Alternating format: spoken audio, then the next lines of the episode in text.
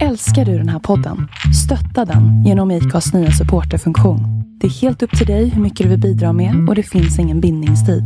Klicka på länken i poddbeskrivningen för att visa din uppskattning och stötta podden. Om vi inte vet varför de gör som de gör så blir man en massa ord. Då kan ju vem som helst komma in från gatan och bara säga ord. Så för mig är det väldigt viktigt att liksom så här, verkligen veta. För att vi säger inte alltid bara saker utan vi, det finns en anledning till att vi säger dem. Och det har med livserfarenheter att göra och det har med liksom våra mål i livet och våra drivkrafter att göra.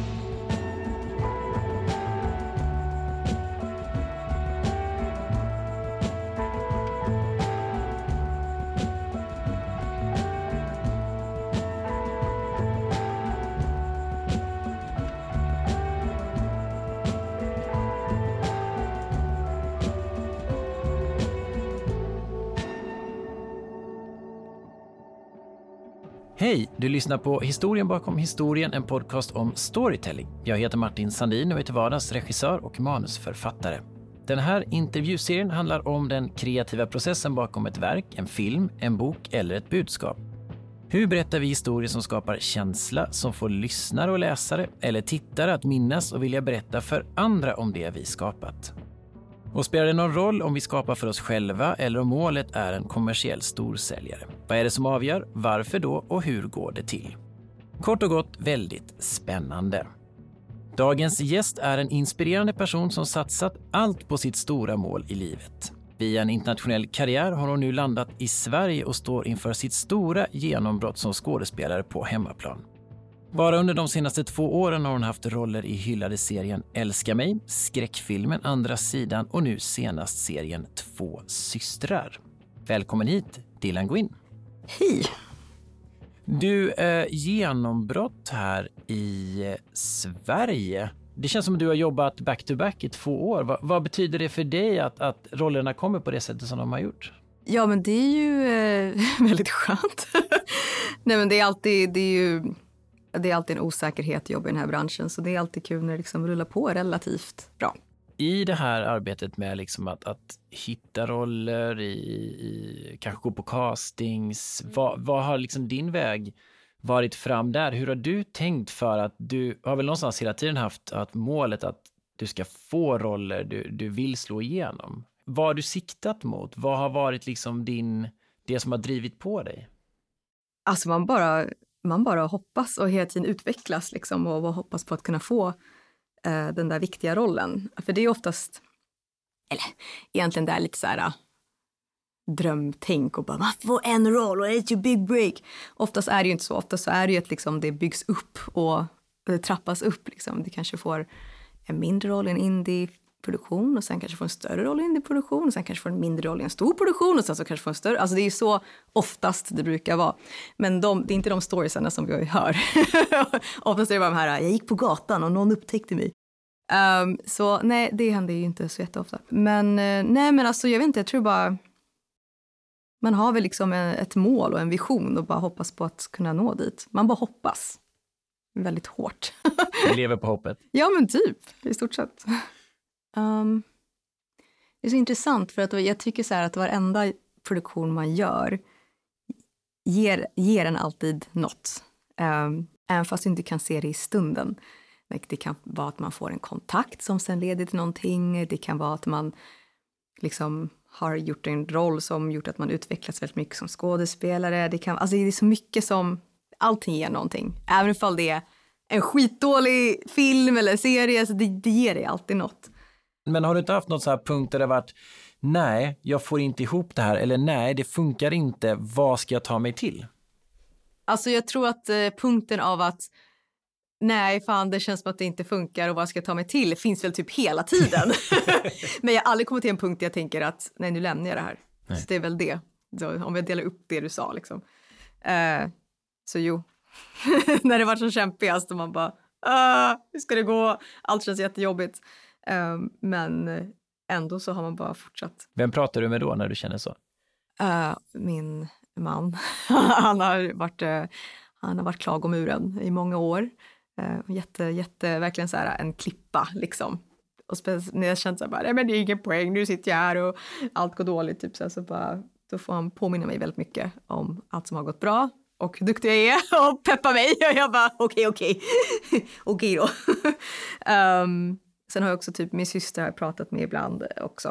Um, hon är intressant att prata med för att hon, hon inte, hon inte jobbat med skådespeleriet men hon har också haft en ganska så här kämpig väg för att komma dit hon har kommit och hon är också väldigt så här konstnärligt lagd. Så ibland jag pratar med henne också, men oftast så är det min man som får ta det. Eh, uh, han är väldigt duktig på det. Han har lärt sig uh, hur man ska navigera efter många år tillsammans. Och när, när eh, apropå din man då, eller din syster eller någon annan, när du övar manus, eh, har du någon som läser mot det eller eh, hur brukar du göra hemma? Det, det är min man. Om, om. Han har blivit mycket bättre med åren. jag har behövt så här, jag vet det, regissera honom och eh, träna upp honom. Men nu är han väldigt bra motspelare. Eh, och vi brukar också typ, eh, för han är också väldigt så här, han är också, har någon slags naturbegåvning för det där. Så han, vi sitter mycket och pratar om scenerna och ibland Typ om han typ tycker att jag gör för platt så bara, men du måste tänka på det här och det här. Typ jag bara, ja, ja, men jag vill bara gå i replikerna. Så ibland så bråkar man. Uh, men, uh, nej, men vi brukar faktiskt sitta och diskutera scenerna tillsammans. Uh, allt det där som jag snackade om innan. Liksom. Men varför finns den här scenen? Varför, varför, typ om vi ska en provfilm exempel, varför har de valt den här scenen? Och den här scenen? Varför är de i kombination med varandra? Sen kanske inte finns någon tanke varför de har valt de scenerna, men, men vi måste i alla fall veta så att jag vet vad jag ska gå in med. Liksom. Vad ligger han på ärlighetsskalan när du gör saker? Jag kan dra ett exempel. Jag skriver eh, eh, och ibland visar jag för min tjej och då är hon liksom så här brutalt ärlig. Och det tycker jag är superjobbigt och då leder det oftast till en liten konflikt och sen så blir jag så här, du fattar inte och sen så bara, åh, varför visar jag det här för henne? Nu vill jag inte skriva mer. Och sen så kanske det går tre, fyra dagar, en vecka och så bara, fan hon hade ju rätt. det, det låter faktiskt helt, eh, helt on point. Um, nej, han, är, han vet att jag vill att han ska vara ärlig för annars är det ingen poäng. Varför var ju poängen annars? Uh, för man har ju bara oftast en person liksom, i sin vardag som man kan jobba med på det sättet. Um, så nej, han brukar vara väldigt ärlig. Uh, och ibland kan jag kanske bli defensiv. Men ofta så bara, jag får andas lite så bara, ja okej okay då, men vi provar som du säger. så, ja, nej, jag blir lite arg på mig själv att jag blir så, men det är bara för att man är så nära sin partner så det blir så lätt att man bara Nej, du vet inte vad du pratar om! Jag vet, jag är mycket bättre, jag vet exakt vad jag... Och sen så bara, oh, nej, men det är klart att det är bra att ta in fler tankar. um, så nej, men det är bra att man får ut det med honom, för att, så att jag inte går in och till exempel provfilmar och så Nej, för då har jag gått igenom allt det där redan med en annan person som tycker att jag ska prova på de här olika sätten. Liksom. Uh, men det har ju hänt att jag typ vi tränar inför en provfilmning och sen så håller jag inte med honom om en tolkning. Jag bara, men jag, jag ska ha i bakhuvudet, jag ska ha i bakhuvudet. Och så går jag in och så exakt det de vill ha, det han sa. Då bara, fan. det händer ibland, okej, okay? inte varje gång. Uh, men när det händer blir jag så här, fan också, han hade rätt. Damn. Så jag måste säga det till honom, men det kommer, det kommer göra ont. ja, ja, hur som helst. Ja, nej, men det, det funkar. Mm. Men, men, om man tittar då på, apropå känslolister, vad, när du ska frammana en känsla hos dig själv eh, som sedermera ska överföras till en karaktär, hur gör du det? Nej, men det går tillbaka till eh, liksom så som jag är utbildad, vilket är att eh, det här med att ta från sig själv liksom. och anpassa det till karaktärens situation. Um, Eh, Okej, okay, så och, och, om din karaktär behöver visa eh, känsla av sorg, har du någon plats du går till då som är specifik som du kan berätta om? Jo, men alltså, nej, jag känner väl inte att jag vill gå in på så här, vad jag tar ifrån, för att det tror jag är viktigt att man håller nära hjärtat. Mm. Um, och det var någonting som min teaterlärare lärde mig, uh, att liksom gå inte omkring och berätta för alla, liksom, utan håll det, det är ditt. För det tappar på något sätt uh, styrka. Liksom. Men med erfarenhet så lär man ju sig att det finns ju stunder i livet eh, som man vet, liksom, om det här är en sån stund, sorg, eller det här är en sån extrem lycka, eller det här är en sån som jag kommer ihåg, eller det här är en hjärte, hjärtekross moment, liksom, eller vad det nu kan vara. Eh, allt det här som vi känner i livet. Så med erfarenhet så vet man bättre vilka stunder i livet man ska ta från. Liksom. Och det tar några år innan man vet de där som funkar för en. För ibland så funkar det inte alls. Eh, kanske man tror att det här är jätteapplicerbart och sen så funkar inte det liksom. Men efter ett tag så lär man sig vilka som funkar. Så, så ibland så kommer man till en karaktär där man bara oj, vad fan ska jag ta från nu? Och så måste man verkligen så jobba med sig själv. det är det bästa med det här jobbet faktiskt, att man, man måste bli väldigt i nära kontakt med sig själv och vem man är och vad man har gått igenom. I alla fall om man gör det rätt, tror jag. Vissa går in och bara är sig själva och det funkar jättebra för dem, men det är liksom olika. Men jag, jag tycker om det med det här jobbet, att man, ja, man måste veta vem man är liksom och vad man har gått igenom. Men specifika moments tänker jag inte säga till dig. It's my secret. Lisa Bjärbo eh, som är barn och ungdomsförfattare var gäst i, i podden här eh, nyligen och hon berättar att, att hon tjuvlyssnar på sina barn för att eh, hitta eh, repliker till sina böcker. Åh oh, gud vilken bra idé. Mm. Då är, så då är frågan, vad har du eh, tagit från din man som du använder? alltså, har jag tjuvlyssnat på min man eller? Nej men alltså det är så intressant det där för jag har varit tillsammans med honom i 13 år vilket är väldigt lång tid. Eh, ibland så, så skämtar jag om att gud alltså fan vi umgås alla så mycket. Eh, för att vi har ju verkligen så här, samma referensramar och liksom, jag märker ju att man, man tar ju sig an liksom hur den, pers den personens, hur de pratar och liksom skämtar och det, allt sånt där. Så man, man smälter ju samman liksom med sin partner när man varit tillsammans så länge.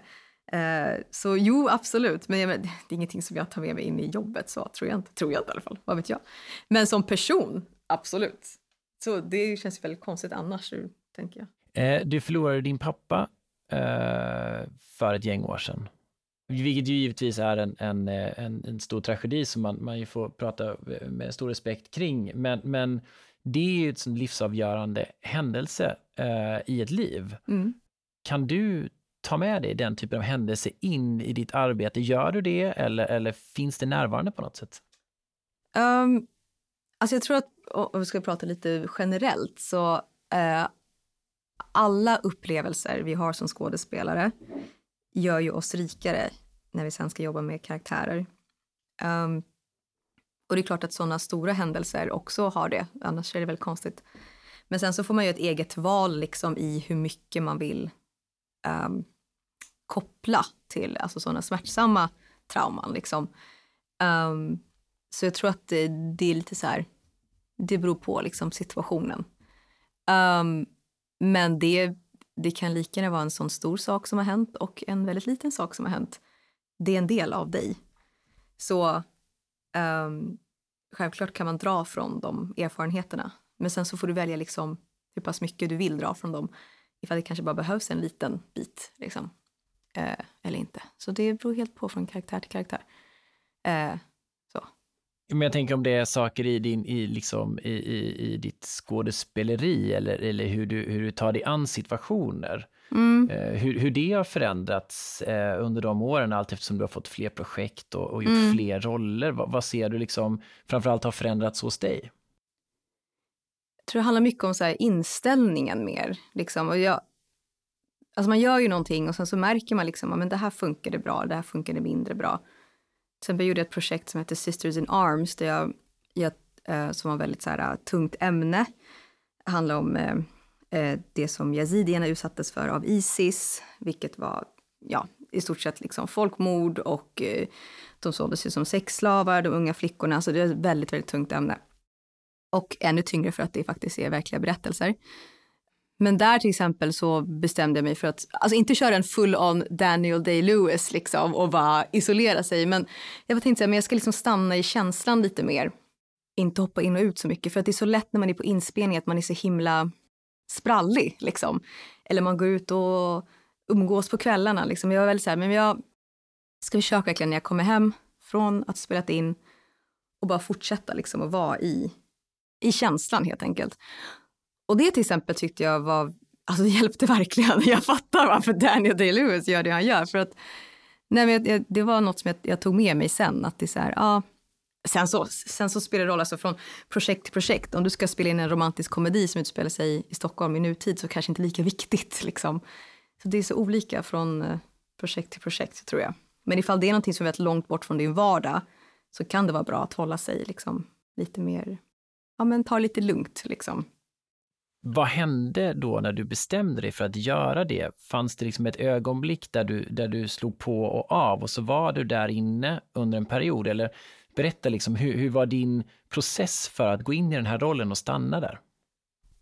Nej, men jag, alltså jag bestämde mig verkligen för att, ehm, för det var en väldigt viktig, viktig projekt för mig. Eh, och jag bara bestämde mig för att jag måste bara ge det liksom 100 procent.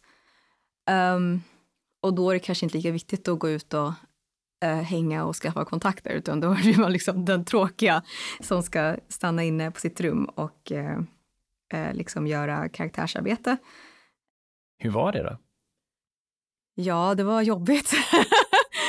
jag var ganska glad när inspelningen var klar för att jag var helt så här, alltså förutom det fysiska, vilket var jätte, jätte, alltså jag hade ju typ blåmärken och skrapsår på hela kroppen i slutet på den inspelningen.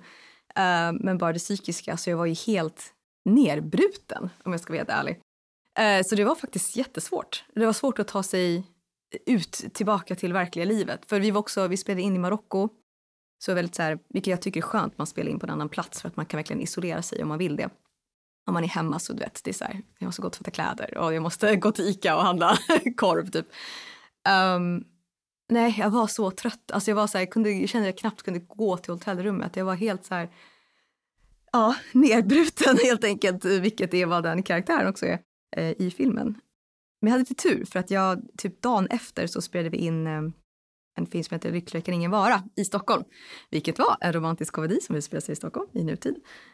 Um, så jag, var, jag bara fick en så här spark i arslet för att liksom komma tillbaka till verkligheten. Vilket var bra. Så jag vet inte vad, hur jag skulle gjort det annars. Men det var så här, jag var tvungen att hoppa in i nästa grej. Och det var ju en så helt annan känsla, du vet. Det var så himla lättsamt och det var, så, det var sommar i Stockholm, la la la. Det var så himla mysigt liksom. Um, så, ja, så det fick mig att komma ut ur det, men annars vet jag inte riktigt vad tricket skulle vara.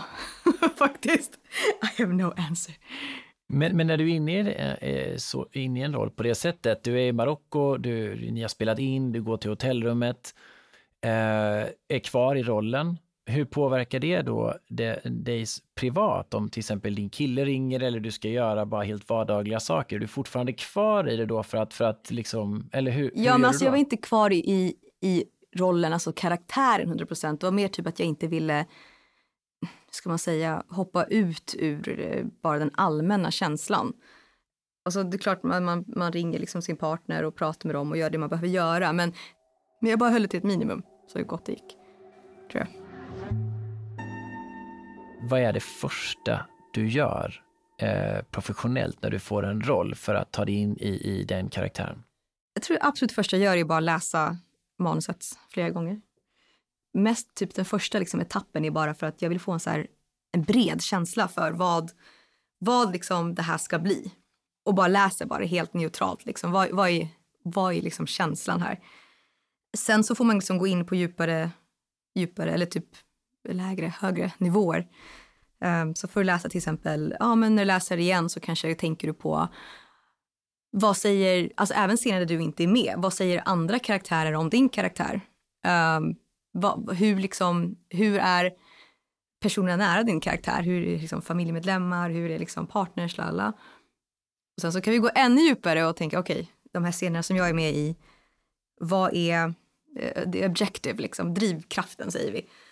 Uh, hela tiden, vad är drivkraften? Vad är drivkraften för karaktären i livet? Det är väl det viktigaste. Vad är drivkraften i projektet?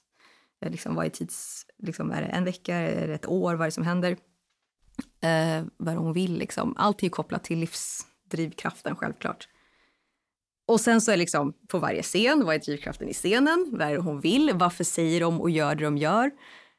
För jag tror det är väldigt viktigt, det är väldigt viktigt för mig i alla fall att veta varför de gör som de gör. Sen kan man ju gå in på varenda replik också om man vill, men det kan bli lite mycket i ett filmmanus som ändras hela tiden. Um, men det är... Om vi inte vet varför de gör som de gör så blir det bara en massa ord. Då kan ju vem som helst komma in från gatan och bara säga ord. Um, så för mig är det väldigt viktigt att liksom så här, verkligen veta. För att vi säger inte alltid bara saker utan vi, det finns en anledning till att vi säger dem. Och det har med livserfarenheter att göra och det har med liksom våra mål i livet och våra drivkrafter att göra. Så det är så mycket. Så jag vill liksom lista ut alla de sakerna. Och ja, det betyder inte att allt det kommer liksom skina igenom men det är i alla fall någonting för dig som skådespelare så du har kött på benen när du ska liksom göra en karaktär. Så att du går inte bara in som dig själv och säger repliker. Sen så alla skådespelare är olika, men så är jag i alla fall. Um, du måste ju gå in som karaktär. Liksom. Hur, hur, kan din roll utvecklas på plats när du träffar andra och mm. liksom, hur kan saker förändras? Hur jobbar du med det? Ja, alltså det är lite synd i, i, film och tv att vi egentligen har inte så mycket tid för repetitioner. Så det är egentligen där man skulle liksom etablera alla relationer och karaktärerna. Eh, men vi har ju inte dem. Alltså det är jätteovanligt. Kanske har det en dag och då gör vi liksom, läser vi igenom lite grann. Så nej, man måste verkligen vara väldigt mjuk och flexibel för att allting kan förändras eh, när man väl är på sätt. Och som du sa precis med hur är motspelaren i scenen? Det vet man inte oftast förrän man kommer dit. Och man kan inte sitta där och vara jätte liksom, hård på sin egen. Men jag tränar så här hemma, så därför ska det vara så här. Så när man måste verkligen komma in och vara beredd på att liksom ändra allting. Men då får man hoppas på att allt det här jobbet du gjorde innan, liksom, att du har det i bagaget. Det ska bara vara där, liksom. men du kan inte sitta där och, och, att det ska vara så viktigt att du inte ens kan släppa det. Utan det ska, det ska bara vara i bakhuvudet och sen så får du liksom lita på att det finns. Uh, men även med regin, liksom, du vet ju inte hur de kommer vilja att scenen ska vara. Kanske helt annorlunda än hur du hade tänkt. Det kan ändras på plats. Det ändras ofta på plats. Uh, och det är viktigt att man är ja, beredd på det, tror jag. I, I Två systrar som, som ju finns på, på Viaplay och ser nu spelar du ju, eh, vad säger man, tillsammans med Julia Ragnarsson. Mm.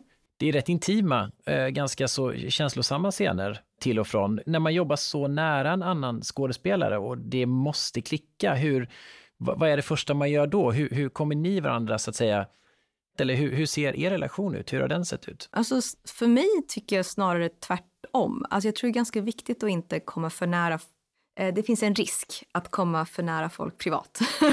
för att det kan sluta med att du inte tycker om den personen. Och då blir det liksom ett ännu större hinder att kunna fixa den där kemin. Så jag försöker inte förlita mig på det. Ifall det sker, då sker det naturligt. Det blir jättekul att man kommer nära folk. Men det är inte första liksom, steget, i alla fall inte för mig, för jag kan tycka att det är lite riskabelt snarare. Men ditt jobb som skådespelare är att fixa kemi med vem som helst. så det är ingenting som bara händer naturligt, utan du måste ju ditt jobb är att se till att det är kemi. Du kan inte lita på att någon annan ska se till att det blir det. Det är liksom du som ska fixa det. Eh, hur du nu än väljer att göra det. Men när du jobbar nära någon, eh, hur ser samarbetet ut kring, kring de scener ni ska göra mellan er två? Ja, men alltså ofta, som jag sa, så hinner man inte repetera så mycket. Och då blir det att man får göra det på plats. Oftast får man ju sitta tillsammans och gå igenom det. Eh, på den lilla, lilla tid man har, kanske i sminkrummet eller i bilen på vägen till set. Liksom. Um, och sen så träffar man regissören när man väl kommer på plats och då, då ska de ha sin, sin regi där. Och... Men vem är du då? Vad behöver du? Um, det beror på lite på scenen. För ibland kan det vara typ att jag bara, fan jag förstår inte riktigt den här scenen, liksom. vi måste snacka igenom det. Då snackar vi kanske liksom mellan två skådisar eller fler. Och sen så är det typ så här, okej, okay, då kommer vi fram till någonting, så här, någon tolkning eh, tillsammans. Och sen så får vi se, säger vi alltså, ja men då får vi se vad de säger med regi liksom på set. Kommer vi till set och så får vi liksom sitta och snacka alla tre. Då, alltså ifall det är en scen som man har svårt för eller man inte förstår så måste man ju få, då får man ju säga till och bara, vi måste prata liksom. Så att man inte bara hoppar in i det och bara hoppas på det bästa. Uh, men vissa scener typ säger sig själva och då, då, då kan jag tycka att man ja, men som sagt, man får ha det lite öppet och vara redo på att det blir vad det blir med skådespelaren i scenen. Liksom. Hur arbetar du upp den eh, energi du behöver? För jag tänker att du åker någonstans ifrån, sitter i en bil som du sa, ni mm. kanske suttit i sminket, du kommer ut, det kanske är kallt, det är mycket folk på plats. Eh, det du ska göra är en viss sak fast den övriga stämningen kanske är någonting helt annat för mm. man ligger efter eller för, vad det nu än är för någonting. Hur liksom hittar du energi och kanaliserar den rätt in i en scen? Ja, det där är väldigt viktigt. Eh, precis som du säger, för att man kommer ibland väldigt tidigt, man sitter jättelänge i sminket, sen ska man åka någonstans och det kan vara jättelångt, det kan vara jättenära, det är så olika. Jag känner så att det är väldigt viktigt att inte slösa sin energi på saker runt omkring. Och det är väldigt lätt att göra. Jag, jag, väldigt, så här, jag blir väldigt eh, exalterad och glad och träffar folk och gud vad kul vi har det, hej och hå! Och jättesprallig liksom. Och det var speciellt i början när jag jobbade, kom jag ihåg. Jag var jättemycket så här, ah, typ så här, ska vara så himla social och liksom. Och sen när jag väl ska göra scenen så är jag skittrött. så nu, nu försöker jag, är väl lite tråkigare av mig, men jag försöker liksom, man gör det man behöver göra och pratar med dem man behöver prata med. för att liksom få fram det som behövs för dagen. Sitter i smink och så bara, men hur ska vi göra idag? Okej, vi pratar om det. Men sen försöker jag att liksom bara ta det lite lugnt och bara samla mig och bara liksom hitta någon slags fokus för att man sitter ju där på set och det är typ tusen bollar i rullning runt omkring dig och bara fokusera på dig själv liksom. Och sen har du ju regissören. Eh, det finns ju eh, en rad olika sätt att, att regissera på. Släppa det fritt, pressa fram många tagningar, att gå in i detalj, att överförklara, att inte förklara. Mm. För att nämna några, vad, vad, vad vill du ha för typ av regi? Alltså det beror lite på från projekt till projekt tycker jag och från scen till scen. Um, men jag är lite så perfektionist så jag tycker ju om ifall man kan verkligen sitta och nöta en scen. Så jag tycker om när man kan göra om scenen flera gånger för för mig känner jag så här jag tränar inte på en scen hemma, som jag sa innan, och sen så går in och det ska absolut vara som den scenen. Då fattar jag att man bara vill gå vidare. Men jag försöker göra varenda tagning lite annorlunda så att regi och klipp har någonting att jobba med sen. Um, så då vill jag också leka med det. Men det är en sån lyx som oftast inte finns. Uh, men jag tycker om när, när regi är lite som jag och typ så här, att vi fortsätter nöta på det. Liksom. Um, för man hittar alltid något nytt. Varenda tagning kan vara något nytt. Liksom. Och det är så synd om man, när man inte får liksom, den tiden att sitta och bara, åh oh shit, men där kom det någonting. Men det här var intressant. Liksom. Du, eh, vad är en utmanande roll för dig? Vad är det för roller som du söker dig mot? Jag, jag tycker om komplexa människor eh, som liksom inte är... Det är lite roligare. Man måste anstränga sig lite mer för att försöka förstå varför de gör som de gör. Jag tycker det är kul när, när, när, en karaktär börjar på en plats och slutar på en helt annan plats. Liksom. Att det finns en båge, att det inte bara är platt. Och det kan betyda vad som helst, liksom. men precis vad som helst, men bara någonting händer eh, och karaktären måste utveckla sig, vilket är ju ofta smärtsamt att behöva utveckla sig. Liksom. Det låter som att självförtroende är väldigt viktigt. Att det som du har tänkt ut, att du har med dig det och, och våga spela ut det som, som du har tänkt i, mm. i, i, i, relation till alla andra, men att det ändå att du har din tolkning och det sätt du ser rollen på. Jo, men absolut. Jag tror att det självförtroende, eh, kanske ordet självtillit är lite bättre. Att man liksom litar på att jag kan det här. och det kommer ju med erfarenhet och med åldern, liksom, att när man jobbat mycket, att men jag vet vad jag gör. Men det betyder inte att du, som jag sa, liksom, du kan inte komma in och bara tycka att ditt sätt är det enda rätta. För då kommer du, det kommer väldigt svårt att jobba med dig. um, nej men jag tror att ja, självtillit, att liksom, du har gjort arbetet och du vet vad du gör. Uh, och det finns där bak, liksom, ta det lugnt. Um, ja, nej men det, det är absolut jätteviktigt jag skriver lite grann själv sådär och, och um, just det här med liksom identitet och du var inne på det med karaktärsutveckling, att vi, att vi har en båg i, i karaktärerna där någonting händer.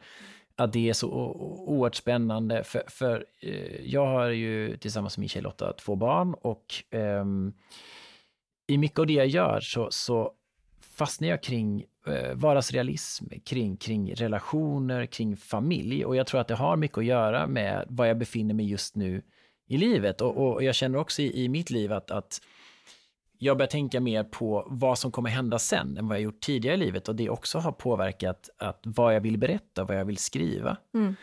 Om man skulle översätta det till, till, eh, till att vara skådespelare och till dig, vad, vad finns det för historier som du skulle vilja berätta berätta eller förmedla om du tittar nu och framåt? Nej, jag, jag, tycker om, jag tycker om eh, kvinnoöden till exempel. Jag tycker det är väldigt intressant. Jag tycker om svåra historier eh, som har med det att göra. Ja, men typ så jag tänker på typ det min mamma gick igenom när hon kom till Sverige, eller hela hennes liv egentligen. Och nej, jag, tycker, jag tycker det är intressant med, med, med kvinnoöden, så här, vad de specifika liksom, kamperna som de måste föra. Så det vore intressant att, att göra liksom mycket sånt. Går du och håller på en historia som, som eh, du bär med dig eller skriver du någonting själv? ja, ja jag, jag hade en, en, eh, en idé om att skriva eh, min gammelmormors historia. Eh, men det är väldigt svårt. för att, eh, ah, så komplicerat, liksom, Turkiets historia, vilket är att mycket hemska saker har hänt. Men sen så har folk inte velat liksom prata om det. Eh, så det är svårt att få fram sanningen eh, om saker och ting. Um, så jag tror att jag har en... Jag tänker mig att jag får, det får baseras på det jag vet och sen så får man liksom bara göra det som en fiktion. Liksom. Uh, det går inte att göra någon slags biografi, det är helt omöjligt. Uh, men hon hade ju en jätteintressant uh, livshistoria. så ja, vi får se om jag någonsin lyckas skriva klart den. Men det, ja, jag skriver lite då och då faktiskt. Vi får se. Om man då eh, befinner sig i, eh, på en plats där man kanske eh, vill bli, eh, jobba som skådespelare eller man är på en plats där man är skådespelare, man kanske identifierar sig som det, men, men det är körigt, man kommer liksom inte riktigt in. Eh, vad gör man då? Vad skulle du ge för tips då? Oh, ja, nej men det är skitjobbigt. Alltså. jag tror att det som jag typ eh, nämnde tidigare är att det här med att man ger inte upp liksom. Um, försök att, att inte göra det. Fast det är förståeligt att man vill det kanske ibland. Om man är på en plats där man vill bli skådespelare och inte riktigt kommer in, alltså det är så olika där för att man måste verkligen ha om man har turen att få en roll i en film som blir liksom kritikerrosad eller ja, publiksuccé eller vad det är, eh, så är det skitbra. För då, liksom, då har du liksom kommit in. Men det kan ta så himla lång tid och det kan vara så himla svårt. Det jag gjorde var att jag jag bara tog så många projekt jag kunde bara för att typ lära mig. Och eh, som sagt, med varje projekt så kommer liksom, ibland så öppnas en dörr fast du inte visste att den skulle öppnas. Så jag, min inställning var bara typ så att om det inte var någonting helt jättekonstigt, liksom, att jag försökte bara jobba så mycket som möjligt. Um, så ja, inte vara så himla petig. Liksom. Nu är jag lite mer petig, upp, självklart. Uh, men då var det så här, Alltså det har gjort mycket dåliga projekt som, som finns där ute. Eh, så det är lite svårare nu än kanske jag tänker så här, förr i tiden så gjorde man saker och det bara försvann liksom ut i eten. Men nu så ligger det ju kvar på någon jävla Vimeo-länk eller någonting. Så var beredd på det. Var beredd på att du kanske kommer ta saker som finns kvar. Så var lite kanske selektiv. Men liksom jobba mycket och bara för en egen erfarenhets skull. Men också bara för att du vet inte vad som det kommer leda till liksom. Um, så nej, man måste veta att det inte sker över natt. Eller ja, för vissa kanske gör det som sagt, men oftast inte. Um, men uh, jag tror att så att man måste alltid väga det för blir man fortfarande lycklig och glad av att göra det? Eller är det bara misär? så, så länge den balansen finns, att det är lite misär men att man fortfarande blir jäkligt glad, liksom, så är det fortfarande värt det kan jag tänka mig. Men ifall ena börjar övervägas så får man väl kanske ja, tänka efter. Det viktigaste är väl att man är lycklig och mår bra. Du, 2021 är det nu. Uh, I november så blir ni tre. Sen kommer 2022 och 2023. Oj. Uh, vad, vad, vad ser du framför dig? Uh, vad, vad, vad kommer framöver? Oh, Alltså jag, jag är så himla så här, jag är både en person som försöker inte tänka för långt och en person som tänker alldeles för långt. Men jag, jag, försöker bara för min egen så här, vet du det, sanity att, äh, att liksom ta det som det kommer. För att annars så blir jag helt galen. Jag tänker för mycket. Helt överanalytisk av mig. Um, så nej, jag tror att så här, speciellt när man ska få barn, att det är lite så här typ det känns som att de kommer styra och ställa um, hur saker går. Nej, nej, det är hur lugnt som helst. Är det lugnt? Ja. Okej, okay, bra. jag behöver inte ens bry mig. uh, nej, men jag, jag, jag bara, alltså just nu jag bara tyck, njuter av att liksom, att jag äntligen fått stadga mig lite någonstans, vilket jag inte haft sedan jag var 21 i stort sett. Eh, så det är många år. Ehm, um, sen jag tycker bara, jag ser fram emot att bara vara lite så här svens, banan, Svensson, Svensson banan, Svenne banan. Eh, nej men bara så här ha ett normalt levande. Alltså jag, det finns både för och nackdelar med att inte vara stadgad på en punkt. Det jag tycker är väldigt kul att resa runt och göra massa saker, men det är också väldigt kul att kunna vara lite vuxen liksom. Eh, så nej, jag tänker bara typ att jag får ta det som det kommer och njuta av det som går att njutas av. Eh, och så. Nej, inget, ja, ingenting sånt som jag kan säga liksom. Nej. Vi får se vad det blir. Väldigt spännande. Eh, för vi började ju någonstans, så, eller vi, jag började säga att, att du, du står inför ett, ett genombrott i, i, i Sverige eh, med de rollerna du gjort de senaste åren. hur är den platsen för dig att vara på? Alltså det är så kul där för att det är, på pappret så ser det ju jäkla bra ut men det är fortfarande samma osäkerhet. Alltså så här, det är klart det är lite mer säkerhet för att man är lite mer igenkänd och man är, liksom är i branschen. Liksom. Um, så självklart är det ju bättre, en bättre plats att vara på. Men så är det med skådespeleri, att så fort du är klar med ett projekt så vet du inte vad nästa projekt är. Uh, om man inte verkligen har, alltså om man inte verkligen är värsta A-listen och har liksom uppraddat det hela året. Uh, så nej, jag, det är verkligen så här, speciellt nu för att efter jag varit gravid, att det är så här, det är inte så många som vill ha en, en höggravid kvinna på sätt liksom. Uh, tyvärr. Um, så det är lite så här, det är ju eh, fokuset har varit det här för att jag kan inte fokusera på jobb för att det är som det är. Liksom. Att vara kvinnlig skådespelare är väldigt svårt om du vill få familj. För att först ska du vara gravid och sen så ska du ju föda barnet och läka din kropp liksom, och sen så ska du faktiskt ha ett spädbarn. Så det blir som att man måste ta värsta pausen mitt i liksom det, det är svårt. Ofta så sker den pausen när du känner att det går som bäst. Liksom. Så nej, alltså det är samma sak där, att vi får bara, vi får bara se vad som kommer. Liksom. Det är det enda man kan göra som, som frilansande skådespelare, se vad som kommer. Um, ja, så. Leva på hoppet eller? Exakt. det, är, det är röda tråden i den här intervjun. Ja. Jag är övertygad om att du eh, eh, kommer komma tillbaka med, eh, där du vill vara när, när tiden väl är mogen. Tack. Eh, och då när vi närmar oss slutet här så har jag faktiskt en fråga som, som jag är väldigt nyfiken på, som vi inte vet om du har svar på, men mm. vi kan försöka. Mm. Och det är, vilken roll, historisk person eller inte, skulle du vilja spela i en stor film någon gång i framtiden? Uff! Alltså jag, jag tror att så här, mer på en generell, ingen specifik person då. Det är så väldigt, väldigt kul att typ så här, någon gång få göra någon så här riktig actionfilm. Eh, uh, man fan växer ju upp med den där skiten. Alltså 90-talet, det var ju bara så här, alltså i alla fall det var ju, tycker jag, så här, liksom, så här, höjdpunkten av actionkomedier. Liksom.